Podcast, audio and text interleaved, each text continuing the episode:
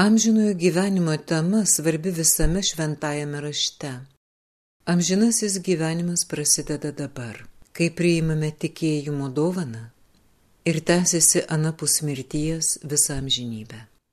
Popiežius emeritas Benediktas XVI, dar būdamas kardinolu, visų pažįstamas kaip Josefas Ratzingeris, remdamas išventuoju raštu ir teologų mokymu, parengė apibraižą, ką reiškia krikščionių tikėjimas amžinuoju gyvenimu.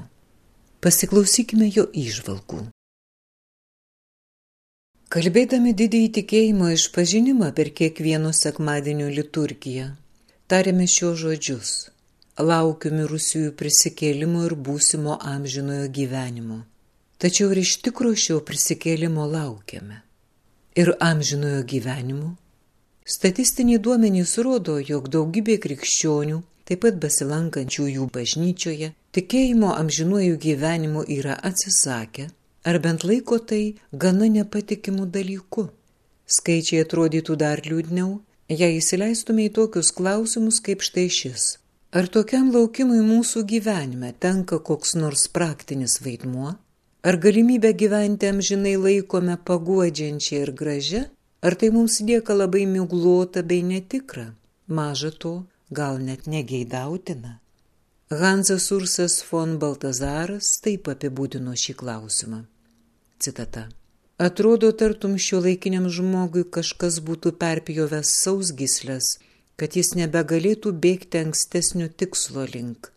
Tartum jam būtų pakirpti sparnai, būtų sunykusi dvasinė transcendencijos jūslė Kodėl taip atsitiko?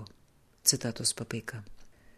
Žinoma, dėmesio, priešingai, kaip iš pirmo žvilgsnio atrodo, gyvenimui anapus mirties nestokojama ir šiandien. Ir šiandien tebėra gyvas noras vėl pamatyti mylimus žmonės. Nuojauta, kad teismas gali egzistuoti ir kad man kada nors gali tekti prieš įstoti, neišvengiamai nusmelkia mus tada, kai rengiamės daryti tai, ką patys laikome neteisinga. Pirma. Tikėjimas į Dievą ir amžinojo gyvenimo laukimas. Vis dėlto tai nekeičia to, kad šio laikinio žmogaus, taip pat šiandieninio krikščionio, amžinojo gyvenimo jausmas tapo stebėtinai silpnas. Pamokslu apie dangų, pragarą ir skaistyklą šiandien sunkiai kur be išgirsim. Dar kartą paklauskime, kodėl taip atsitinka. Manau, jog tai esmingai susiję su mūsųjų Dievo bei jo santykio su pasauliu įsivaizdavimu, kuris iš bendrosios sąmonės įsisunkia į tuos, kurie trokšta būti krikščionimis bei tikinčiai žmonėmis. Vargiai be galime įsivaizduoti, kad Dievas iš ties ką nors daro pasaulyje ir žmogaus atžvilgiu, kad jis pats veikia istorijoje. Mums tai atrodo mitiška ir tamsybiška. Šiandien tapo visiškai normalu į Naujojo testamento stebuklus nebežvelgti kaip į tokius, bet aiškinti juos laiko sąlygotais vaizdiniais. Kaip nereikšmingų periferinių klausimų taip pat atsisakoma Jėzaus gimimo iš mergelės ir jo realaus prisikėlimo, kurio jo kūnas buvo išplėštas iš irimo nagų. Tokia trikdanti atrodo mintis apie Dievo kišimas į biologinius bei fizikinius veiksmus laikomas įsitikinimo, jo kartą sukurtas pasaulis tvarus pats savaime ir užklestas į savo priežastinius veiksmus. Nors šiandieniam fizikos pasaulyje vaizdžiui jau seniai stinga to galutinio tikrumo, į kurį būdavo apeliuojama praėjusiame šimtmetyje. XIX amžius vertėjos pastaba. Manoma, jog tai, kas vyksta pasaulyje, galima paaiškinti tik pasaulio veiksniais. Be mūsų pačių jame niekas neveikias, Todėl nieko iš nieko nelaukiame, tik į savęs pačių. Savo ruoštų vėlgi suvokdami visiškai priklausą nuo gamtos ir istorijos dėsnių. Dievas, kaip minėjome anksčiau, nebėra istorijoje veikiantis subjektas. Geriausiu atveju jis tai yra nereikšminga hipotezė. Tada amžinybės vilties paralyžius yra tiesiog tikėjimo į gyvą į Dievą paralyžiaus atvirkščioji pusė. Tikėjimas amžinuoju gyvenimu tai yra tikėjimo į Dievą taikymas mūsų pačių egzistencijai.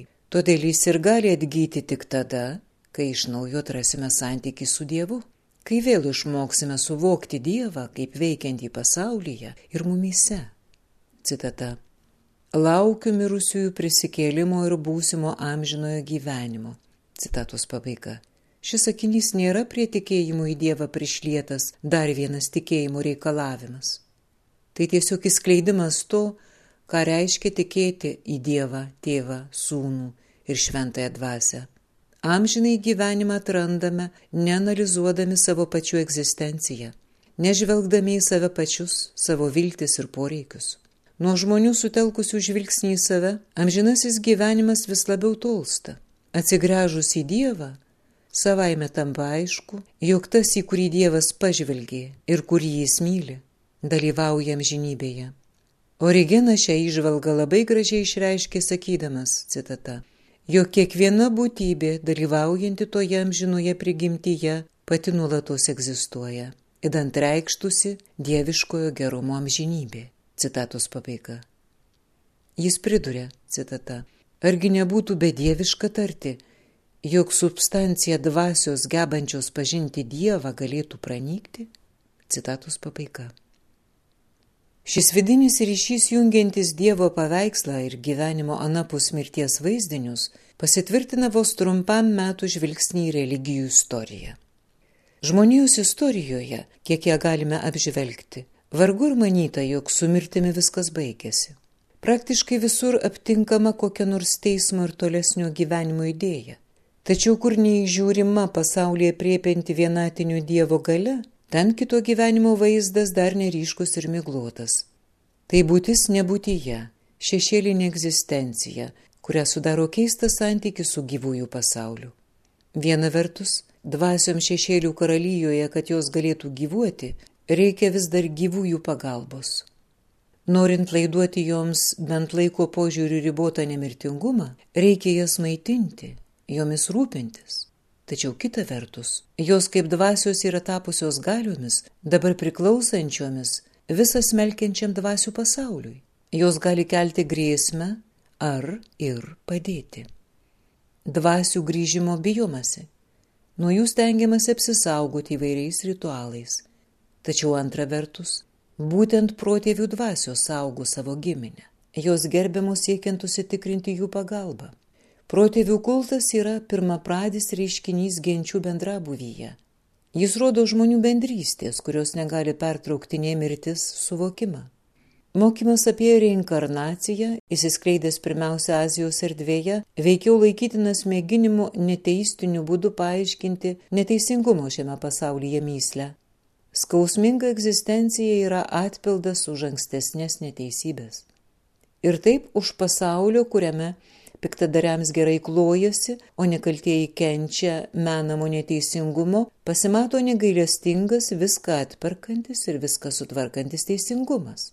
Tačiau, kai visa šio pasaulio būti suprantama kaip kančia, tokių sielos klajonių nebeužtenka. Tada visų apvalymų, bei perkeitimų tikslas yra išžengimas iš izolacijos pančių, iš būties visos painios apytakos, nugrimzdimas ir grįžimas į pirmą pradę tapatybę, kuri yra niekas ir kartu viskas.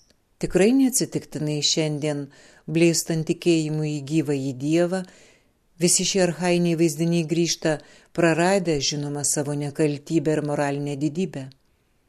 Reinkarnacija – kuria šiandien vėl daugelis tiki, yra nebe slėpiningos teisingumo galios realizacija, bet veikiau savotiškas tvermės dėsnių taikymas. Sielos energija negalinti tiesiog išnykti, tad jai reikia kitų įsikūnijimų. Vis dėlto tokių ir kitokių vaizdinių pasirodymų iš naujo reiškiasi tylų žmogaus suvokimas, jog mirtis nėra paskutinis jo egzistencijos žodis.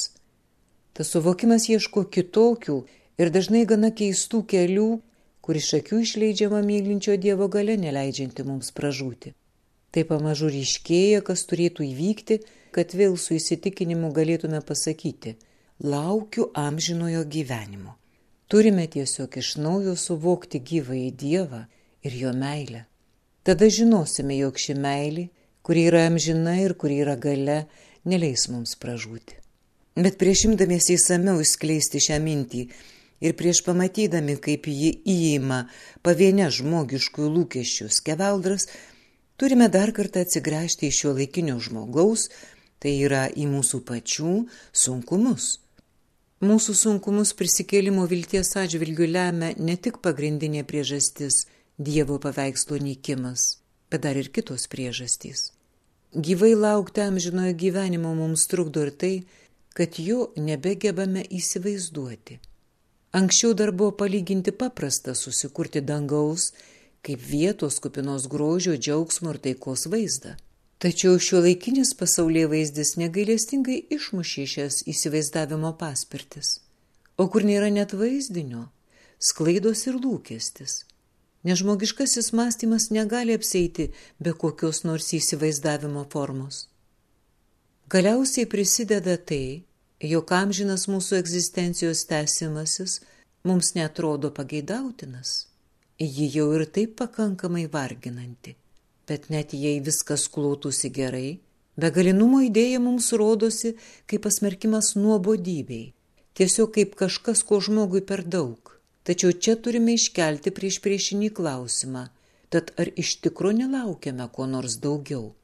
Jei tai būtų, Vilties principas, kurį Ernstas Blochas pavaizdavo kaip marksizmo esmę, nebūtų patraukęs tiek sekėjų. Tada tikėjimui politinėmis utopijomis nebūtų pasidavę tiek žmonių. Žmogus, kuris nieko nelaukia, nebegali ir gyventi. Žmogaus egzistencija iš prigimties tiesiasi į tai, kas didėliau. Bet ko iš tikro laukiame? Žmoguje glūdintis pirmapradis lūkestis, kurio iš jo neįmanoma atimti, reiškėsi įvairiopai. Vienas jo esminių pavydalų yra tai, jog laukiame teisingumo. Tiesiog negalime susitaikyti, kad stiprieji visada turi viršų ir engia silpnuosius. Negalime susitaikyti, kad nekaltieji turi dažnai pasibaisėtinai kentėti, o kaltiesiems regi šypsosi visą pasaulio laimį. Teisingumo troškimo, taip galingai besireiškusio visų laikų mąstančių bei kenčiančių žmonių sielvartavimuose iš mūsų atimti neįmanoma. Trokštame teisingumo. Todėl taip pat trokštame tiesos. Matome, kad melas klinda, ima viršų ir kad net neįmanoma tam pasipriešinti. Laukiame, kad taip nebūtų, kad savo teisės pareikštų tiesa. Trokštame, kad liautųsi beprasmiai tauškalai, žiaurumas, vargas. Trokštame, kad liautųsi mus skiriančių nesusipratimų tamsa, negebėjimas mylėti. Ir kad galima taptų tikroji meilė, visą mūsų egzistenciją išlaisvinanti iš mūsų vienatvės kalėjimo ir negreudama mūsų pačių, atverinti ją kitų linkme, begalybės linkme. Antra. Kas yra amžinasis gyvenimas? Bet kaip tik tai turime galvoje sakydami amžinasis gyvenimas, kuris nėra ilga trukmė, bet išreiškia egzistencijos kokybę. Kai trukmė, kaip begalinė akimirksnių seka išnyksta. Tai žinoma taip pat reiškia, jog amžinybės troškimas virsta priešinimusi amžinybei, užsispyrėliškų baigtinumo laikymusi, kai kas nors taip susitapatina su neteisingumu, melu, neapykanta, jokiam teisingumo, tiesos ir meilės radimasis neiktų jo egzistenciją, keltų grėsmės jausmą jo sielos gilumoje. Tokia egzistencija vadintina pasmerkimu. Kai melas ir neteisybė yra tapę gyvenimo tapatybės ženklu, amžinasis gyvenimas savaime suprantama, šią negatyvę tapatybę neigia, išganimas virsta bausme. Nes žmogus yra susidėjęs su pragaištimi ir visų savo gyvenimų nupuolęs į neigimą. Metė čia tiesiog savaime besisiūlusi žvilgsnį į galutinę žmogaus grėsmę, grįžkime prie to, kas pozityvu. Amžinasis gyvenimas nėra begalinė akimirksnių seka, kur tektų mėginti įveikti nuobodulį ir nepabaigiamumo baimę. Amžinasis gyvenimas yra nauja egzistencijos kokybė kai visa suteka į meilės dabar, į naują būties kokybę, išlaisvinta iš egzistencijos fragmentiškumo akimirksnių tiekmėje. Šiame mūsų laikiškajame gyvenime kiekvienas mirksnis viena vertus yra per trumpas, nes su juo atrodo nubėgas pats gyvenimas anksčiau negu galime jį pagauti, kartu kiekvienas akimirksnis yra per ilgas, nes daug vienas į kitą vis panašių akimirksnių mums darosi varginantis. taip išryškėja, kad amžinasis gyvenimas yra ne tiesiog tai, kas ateina po to ir ko dabar net neįstengiame įsivaizduoti. Kadangi tas gyvenimas yra egzistencijos kokybė, jis, kaip tai kas nauja, kitoniška, didėliau, gali būti jau žemiškajame gyvenime ir jo tekančiame laikiškume, nors visada tik fragmentiškai ir net baigtai riba tarp amžinojo ir laikiškojo gyvenimo jokių būdų nėra tiesiog chronologinės prigimties. Paprastai manome, jog metai iki mirties buvo laikiškasis gyvenimas. Begalinis laikas po to esas amžinasis. Tačiau kadangi amžinybė yra ne tiesiog begalinis laikas, bet kita egzistencijos plotmė, tokia vien chronologinė perskyra negali būti teisinga. Amžinasis gyvenimas laikė atsiranda tada, kai mums pavyksta susitikti su Dievu akis į akį. Žvelgimo į gyvą į Dievą dėka, jis gali tapti savotišką tvirtą mūsų sielos atrama, kaip ir didelės meilės, jo iš mūsų nebegali atimti jokios permainos. Jis yra nesugriaunama širdis, iš kurios kyla džiugus ryštas eiti toliau, net jei išoriniai dalykai yra skausmingi bei sunkus. Tai vaizdžiai įsivaizduoti mums gali padėti 73 psalmė, kur tokia patirtis beveik ir džaibas ir su pribloškiama jėga prasiveržia tikinčio žmogaus kančioje bei sielvarte. Ši psalmė yra malda žmogaus, citata, kurio kūną kamuoja skausmas ir lyga, citatos pabaiga. Tikinčiojo, kuris visada stengiasi gyventi Dievo žodžiu, tačiau kuriam dabar visa jo egzistencija tapo kančia ir grina prieštara. Ankstesnė senosios sandoros išmintis moki, jog Dievas atlygina už gerą ir baudžia už blogą. Tačiau pasaulis, kuriame maldininkas gyvena, iš tokio įsivaizdavimo tik tyčiojasi. Čia išreiškiama Jobo patirtis, Koheleto patirtis, senosios sandoros daugybės kenčiančių teisiųjų patirtis. Gyvenimas atrodo atlyginas cinikams, pasipūtėliams, kurie teigia, Dievas nekreipias dėmesio į tai, kas vyksta žemėje. Jis nereaguojas. Tokie žmonės, kurie patys save padaro dievais, kalba tarsi iš dangaus, iš viršaus. Liaudis godžiai gaudo jų pagirų kupinus ir išdidžių žodžius. Jų nekamoja jokios kančios. Jie sveiki ir įmitę. Jie nepažįsta gyvenimo vargu. Kenčiančiam teisėjam grėsia pavojus išeiti iš proto. Argi pasaulis nepritarė cinikams? Galbūt iš tiesų beprasmiška laikytis Dievo ir gyventi pagal jo teisę. Galbūt jis iš tikrųjų mus nereaguoja. Sprendimas maldininkui ateina šventovėje, tai yra maldingai atsigręžus į gyvą į Dievą, kai sikiu žengiama iš vien privačios klausimo bei sielvartavimo plotmės. Įžengdamas į šventovę, jis įsirikiuoja į tikėjimo bendruomenę, į išganimo ženklą į Dievo vairuojamos istorijos kelio bendruomenę. Ir čia gauna galimybę pamatyti Dievą. O tada perspektyvos pakinta. Pavydo pasaulyje žiūra pasidaro tokia pat bereikšmė, kaip ir puikybės triumfavimas. Aikštėn iškyla tokios laimės regimybė, įsisklaidanti kaip sapnas nubudus. Vėl išryškėja tikrovės tikrosios perspektyvos. Citata todėl būsiu su tavimi visada. Tu laikai mane už dešinės rankos, vedi mane savo mokymu ir galo priimsi mane į garbę, ką kitą turiu danguje. Kadangi turiu tave, ko dar traukščiau žemėje. Nors mano kūnas trapus ir širdis silpsta, Dievas yra mano širdies suola ir mano dalis per amžius. O man gera būti arti Dievo. Psalmyno skyrius 73, nuo eilutės 23 iki 26 ir 28 eilutė. Teisingai matyti, žmogus išmoksta Dievui palietų sielą. Jei jis ir turėtų visus įmanomus turtus danguje ir žemėje, argi jie būtų ko nors verti, vien sėkmės, vien galius, vien turto laimė, visada yra tariama laimė. Kaip tai teisinga liudija žvilgsnis į šiandienį pasaulį.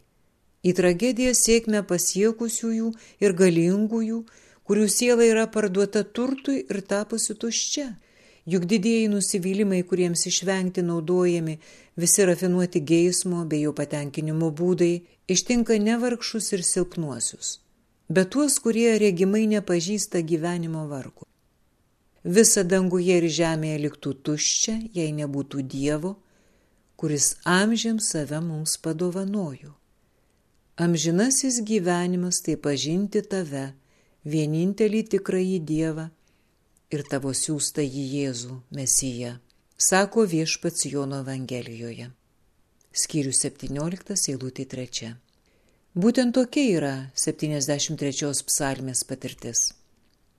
Maldininkas mato Dievą ir patiria, kad jam daugiau nieko nereikia, kad jam sąlyčių su Dievu padovanojama viskas - tikrasis gyvenimas. Citata.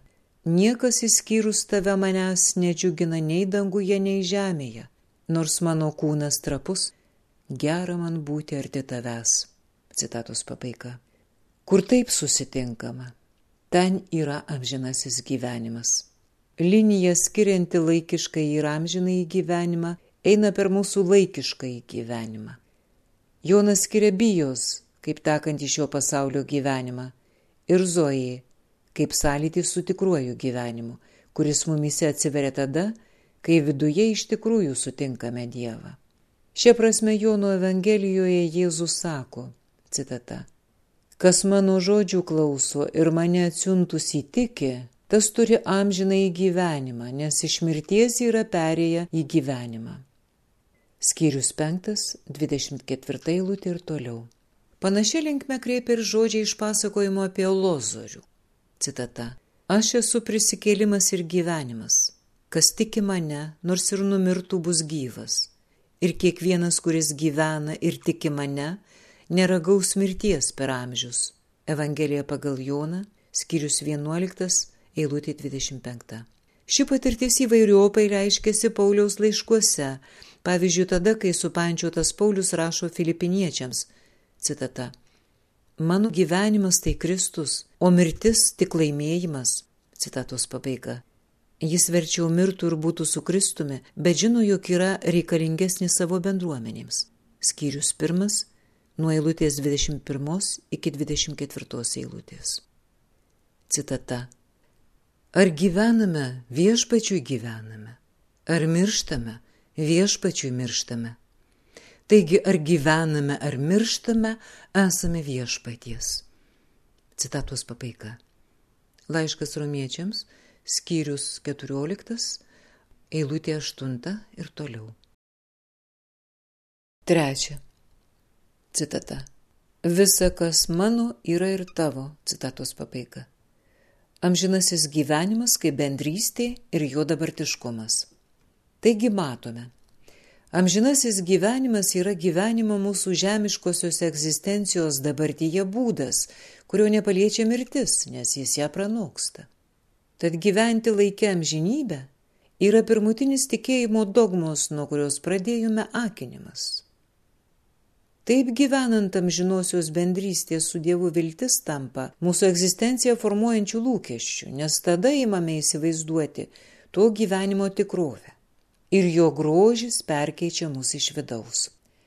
Pasidaro aišku, jog šioje akistatoje akis į akį su Dievu nėra nieko savanaudiška jog tai yra neatsitraukimas į vien privatumo sritį, bet būtent tas aš išlaisvinimas, kuris apskritai ir tą padaro amžinybę prasmingą. Begalinė akimirksnių seka būtų nepakeliama. Mūsų egzistencijos sutelkimas į vieną Dievo meilės žvilgsnį ne tik paverčia begalinumą amžinybę, Dievo šiandien. Tai sikiu reiškia bendrystę su visais, priimtais tos pačios meilės.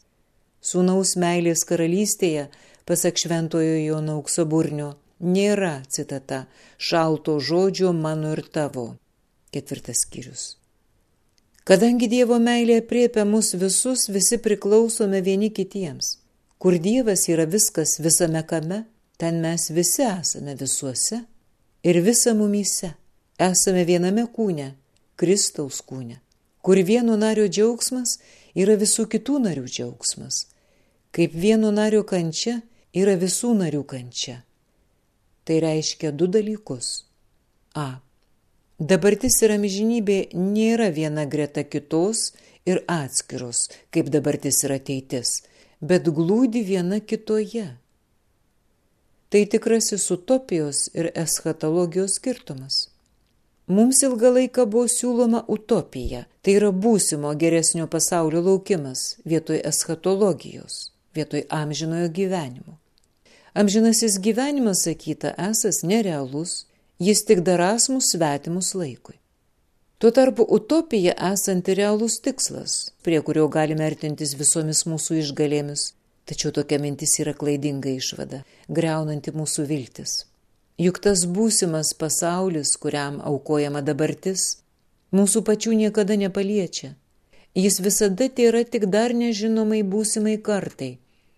Jis yra kaip vanduo ir vaisiai siūlomi tantalui. Vanduo jam visada iki kaklų, o vaisiai priešais burną. Tačiau vos tik jis kankinamas didelio troškulio ir alkiausi nori atsigerti ar paragauti vaisių, vanduo ir vaisiai atsitraukia. Šis senasis prakeikimų už puikybę, kaip tikrąją žmogaus nuodėmę įvaizdis, tiksliai nusako įžūlų pasipūtėliškumą. Eschatologija pakeičianti į paties susimeistrautą utopiją. Tai yra žmogaus viltį norinti išpildyti savomis išgalėmis ir be tikėjimo į Dievą.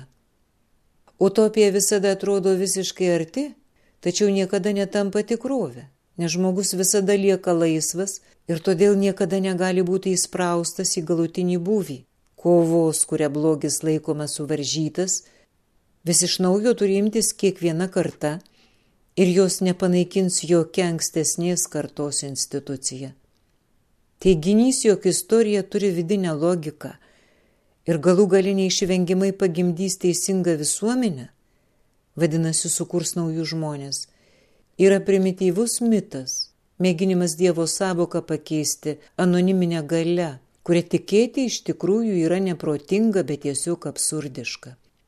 Tikėjimas utopija galėjo taip plačiai pakeisti šio laikinėme pasaulyje amžinojo gyvenimo viltį todėl, kad išpildė dvi pagrindinės modernybės sąlygas.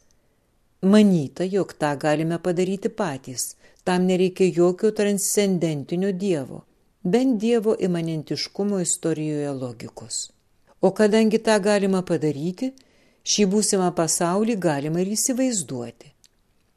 Jis visada toks artimas ir kartu toks tolimas, kaip tantalo vaisiai.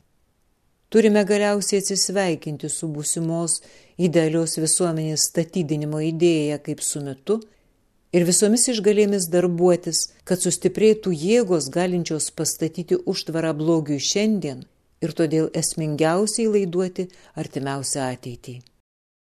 B. Bet tai vyksta būtent tada, kai laikė sustiprėja amžinasis gyvenimas. Juk tai reiškia, kad Dievo valia būtų kaip danguje, taip ir žemėje. Žemė tampa dangumi, Dievo karalyste, kai joje Dievo valia vyrauja kaip danguje. To meldžiame, nežinome, jog ne mūsų jėgoms nutemti dangų žemyn. Juk Dievo karalystė yra jo, ne mūsų karalystė, ne mūsų viešpatystė. Tik todėl ji patikima ir galutinė. Tačiau ji visada labai arti tada, kai pripažįstama Dievo valia. Juk tada randasi tiesa, teisingumas, meilė. Dievo karalystė yra daug arčiau negu tantališkieji utopijos vaisiai, nes ji nėra chronologinė ateitis, chronologinis vėliau, bet žymi visiškai ką kitą negu visas laikas. Takas gali nusileisti į laiką būtent tam, kad jį kartą visą įimtų į save bei paverstų gryną dabartimi. Amžinasis gyvenimas, kuris bendrystė su Dievu prasideda čia ir šiandien, atlapoja šį čia ir šiandien, bei įleidžia į to, kas tikra, ko nebedalyja laiko teikmė platybės. Ten nebegali būti neįveikiamo aš ir tu persiskirimo, artimai susijusio su laiko susiskaidytumu. Iš tiesų, kas savo valią įdeda į Dievo valią, padeda ją į vietą, kur yra visų gera valia. Mūsų valia taip susilieja su visų kitų valia. Kai taip įvyksta, įsipildo žodis, gyvenu, bet nebe aš manyje gyvena Kristus.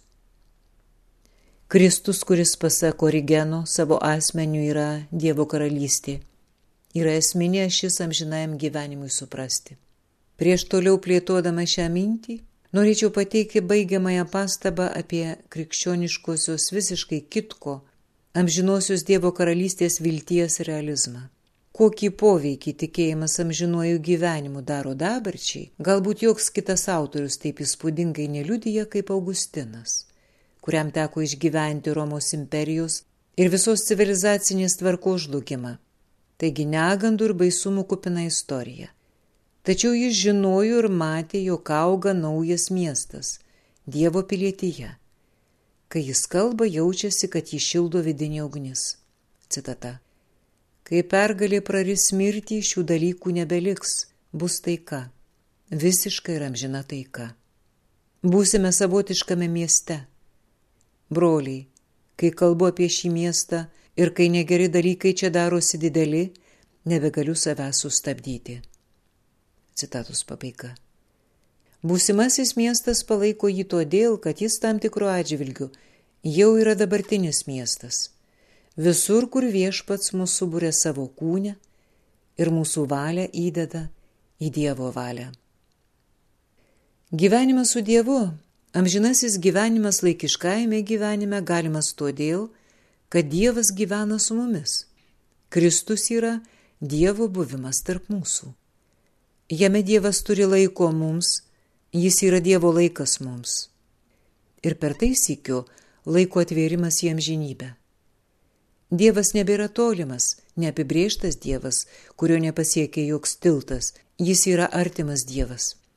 Sūnaus kūnas yra mūsų sielų tiltas.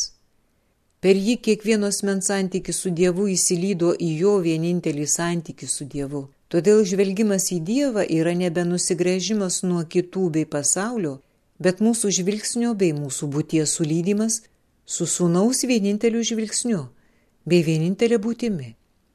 Kadangi jis nusileido į žemesnėsias rytį žemėje, laiškas Efeziečiams, skyrius ketvirtas, eilutė devinta ir toliau.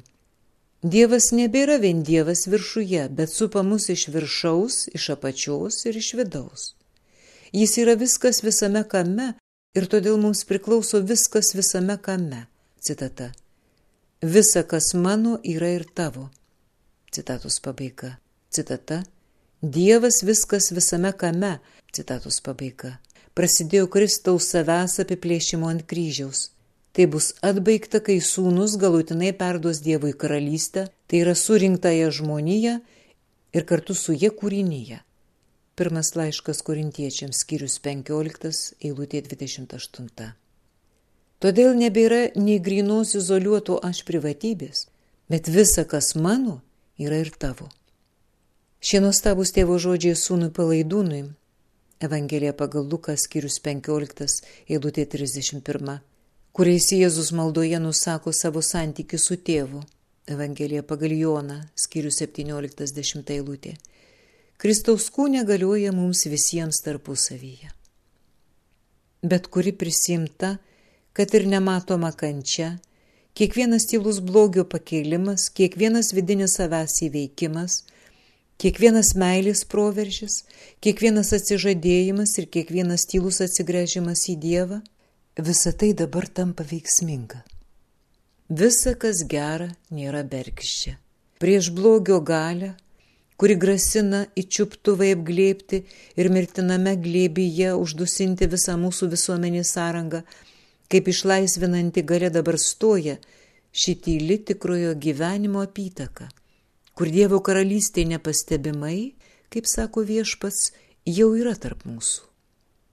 Evangelija pagal Luką, skyrius 17-21 eilutė. Šioje apytakoje Dievo karalystė atsiranda todėl, kad Dievo valia vykdoma kaip danguje, taip ir žemėje. Ketvirta. Pavieniai krikščioniškosios eschatologijos klausimai. Visų to, ką pasakėme, bendrais bruožais apibūdinome, kas tikėjime turima galvoje sakant dangus ir pragaras. Tuo remiantis nesunku suprasti, ką reiškia apvalymo vieta. Apvalymo vieta galiausiai yra pats Kristus. Kai susitiksime jį tiesiogiai, tą tiesos akimirką sielai savaime deginamai atsiskleis visas mūsų gyvenimo skurdumas bei kaltė, kuriuos dažniausiai rūpestingai nuo savęs slepiame. Viešpaties buvimas bus kaip deginanti liepsna viskam, kuo būsime įsipynę į neteisybę, neapykantą ir melą. Jo buvimas bus apvalančiųjų skausmu išdeginančių mumyse visą, kas nesuderinama su amžinybė, gyvąją Kristaus meilės apytaka. Vėl galime sakyti, pats Kristus yra teismas, jis, kuris savo asmenį įkūnija tiesą ir meilę. Jis įžengė į šį pasaulį kaip vidinis kiekvieno pavienio gyvenimo matas. Tai, kad žmogumi tapusysis, nukryžiuotasis, ir prisikėlusysis pats yra teismas, apima du tarpusavėje susijusius aspektus. Pirmiausia, tai reiškia tai, ką jau minėjome. Šis matas parodo, kas mūsų egzistencijoje yra žemė iškreipta nuodėminga. Skausmingų apvalymų turime būti iš viso to išlaisvinti. Tačiau yra dar ir antroji pusė. Romano Gardinį kuris būdamas linkęs į melancholiją, šio pasaulio baisumus ir kančias, dažnai skausmingai jautė tarsi jam asmeniškai uždėtą naštą, yra nekart sakęs žinas, jog Dievo teisme jo klaus apie jo gyvenimą. Tačiau jis laukias teismo, kad savo ruoštų pateiktų klausimų Dievui. Klausimą dėl kūrinijos kodėl ir dėl visos nesuvokiamybės, atsiradusios joje kaip laisvės blogių padarinys. Teismas reiškia, jog Dievas save šiam klausimui stato. Hansas Ursas von Baltazaras taip šitai išreiškia. Dievo gynėjai neįtikina, Dievas pats turi apsiginti. Citata. Jis kartą tai jau padarė, kai prisikėlusysis parodė savo žaizdų žymes. Dievas pats turi susigalvoti tą odicėją ir jis turėjo būti tą jau padaręs, kai žmonėms suteikė laisvę ir todėl pagunda pasakyti jam ir jo įsakymui ne. Citatos pabaiga.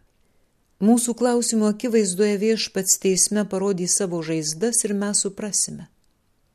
Tačiau tuo tarpu jis tiesiog laukia vildamasis, kad mes jo laikysimės ir pasitikėsime šių žaizdų kalba, net ir neįstengdami permanyti šio pasaulio logikos. Lieka paskutinis klausimas. O kaip su siela? Taip pat, ar turime laukti realaus, kūniško mirusiųjų prisikėlimo ir naujo pasaulio? Žodis siela per pastaruosius metus daug kur buvo įtrauktas į uždraustų žodžių sąrašą. Visur, kur įmanoma, mėginama įsiversti be jo. Mums bandyta įteikti, jog tai esas pagonių, graikų išradimas, kuriam neturėtų būti vietos krikščionybėje nes jis sąlygoja žmogaus padalyjimą nesuderinamą su kūrėjo ir jo kūrinijos vienove. Ir viena ir kita klaidinga. Žodis siela pasitaiko visose kultūrose. Jo prasmės pagrindinė tendencija visose kultūrose gimininga. Tačiau konkrečiai ta prasme reiškiasi skirtingais pavydalais. Tai, kaip šis žodis vartojamas krikščioniškojoje tradicijoje, yra tikėjimo vaisius kuris šiuo pavydalu anapus Jėzaus Kristaus žinios nėra galimas ir niekur nepasitaiko. Jo išreiškiamas kurėjo norėtasis žmogiškosios būtybės ypatingumas. Žmogus yra kūrinys, kuriame susitinka ir į vieną vienintelę visumą susijungia dvasia ir materija. Į šalį nustumę žodį siela, neišvengiamai nupuolame į materializmą, kuris kūną neišaukština, bet atima jo kilnumą. Daug kas sako, jog bekūnė siela tarp mirties ir prisikėlimo yra absurdas, tačiau jie aiškiai nėra pakankamai dėmiai įsiklausę į šventą įraštą. Juk nuo Kristaus įžengimo į dangų sielos nekūniškumo problemos nebėra, Kristaus kūnas yra naujas, dabar jau nebeuždaras dangus. Jei patys esame tapę Kristaus kūno nariais, tai mūsų sielos laikosi šiame kūne, kuris yra tapęs jų kūnu taip laukdamos galutinio prisikėlimo, kai Dievas bus viskas visame kame. Tačiau tas prisikėlimas istorijos pabaigoje yra kažkas tikrai nauja. To neįstengiame įsivaizduoti, nes nepažįstame nei materijos, nei kurėjo galimybių. Bet nuo Kristaus prisikėlimo žinome, kad išgelbėti bus ne tik pavieniai asmenys, kad Dievas nori išgelbėti visą kūrinyje ir kad jis tai gali padaryti. Kūrinyje, kurią Adomas pavergė ir vis naujai, vis labiau trypia, laukia Dievo vaikų. Kur jų atsiranda, ten nauja tampa ir kūrinyje.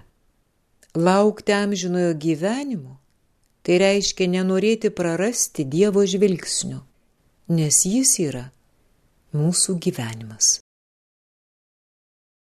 Mėly Marijos radio klausytojai, girdėjote popiežiaus emerito Benedikto XVI apibraižą, ką reiškia krikščionių tikėjimas amžinuoju gyvenimu. Ja skaitė Violeta Mitskevičiūtė.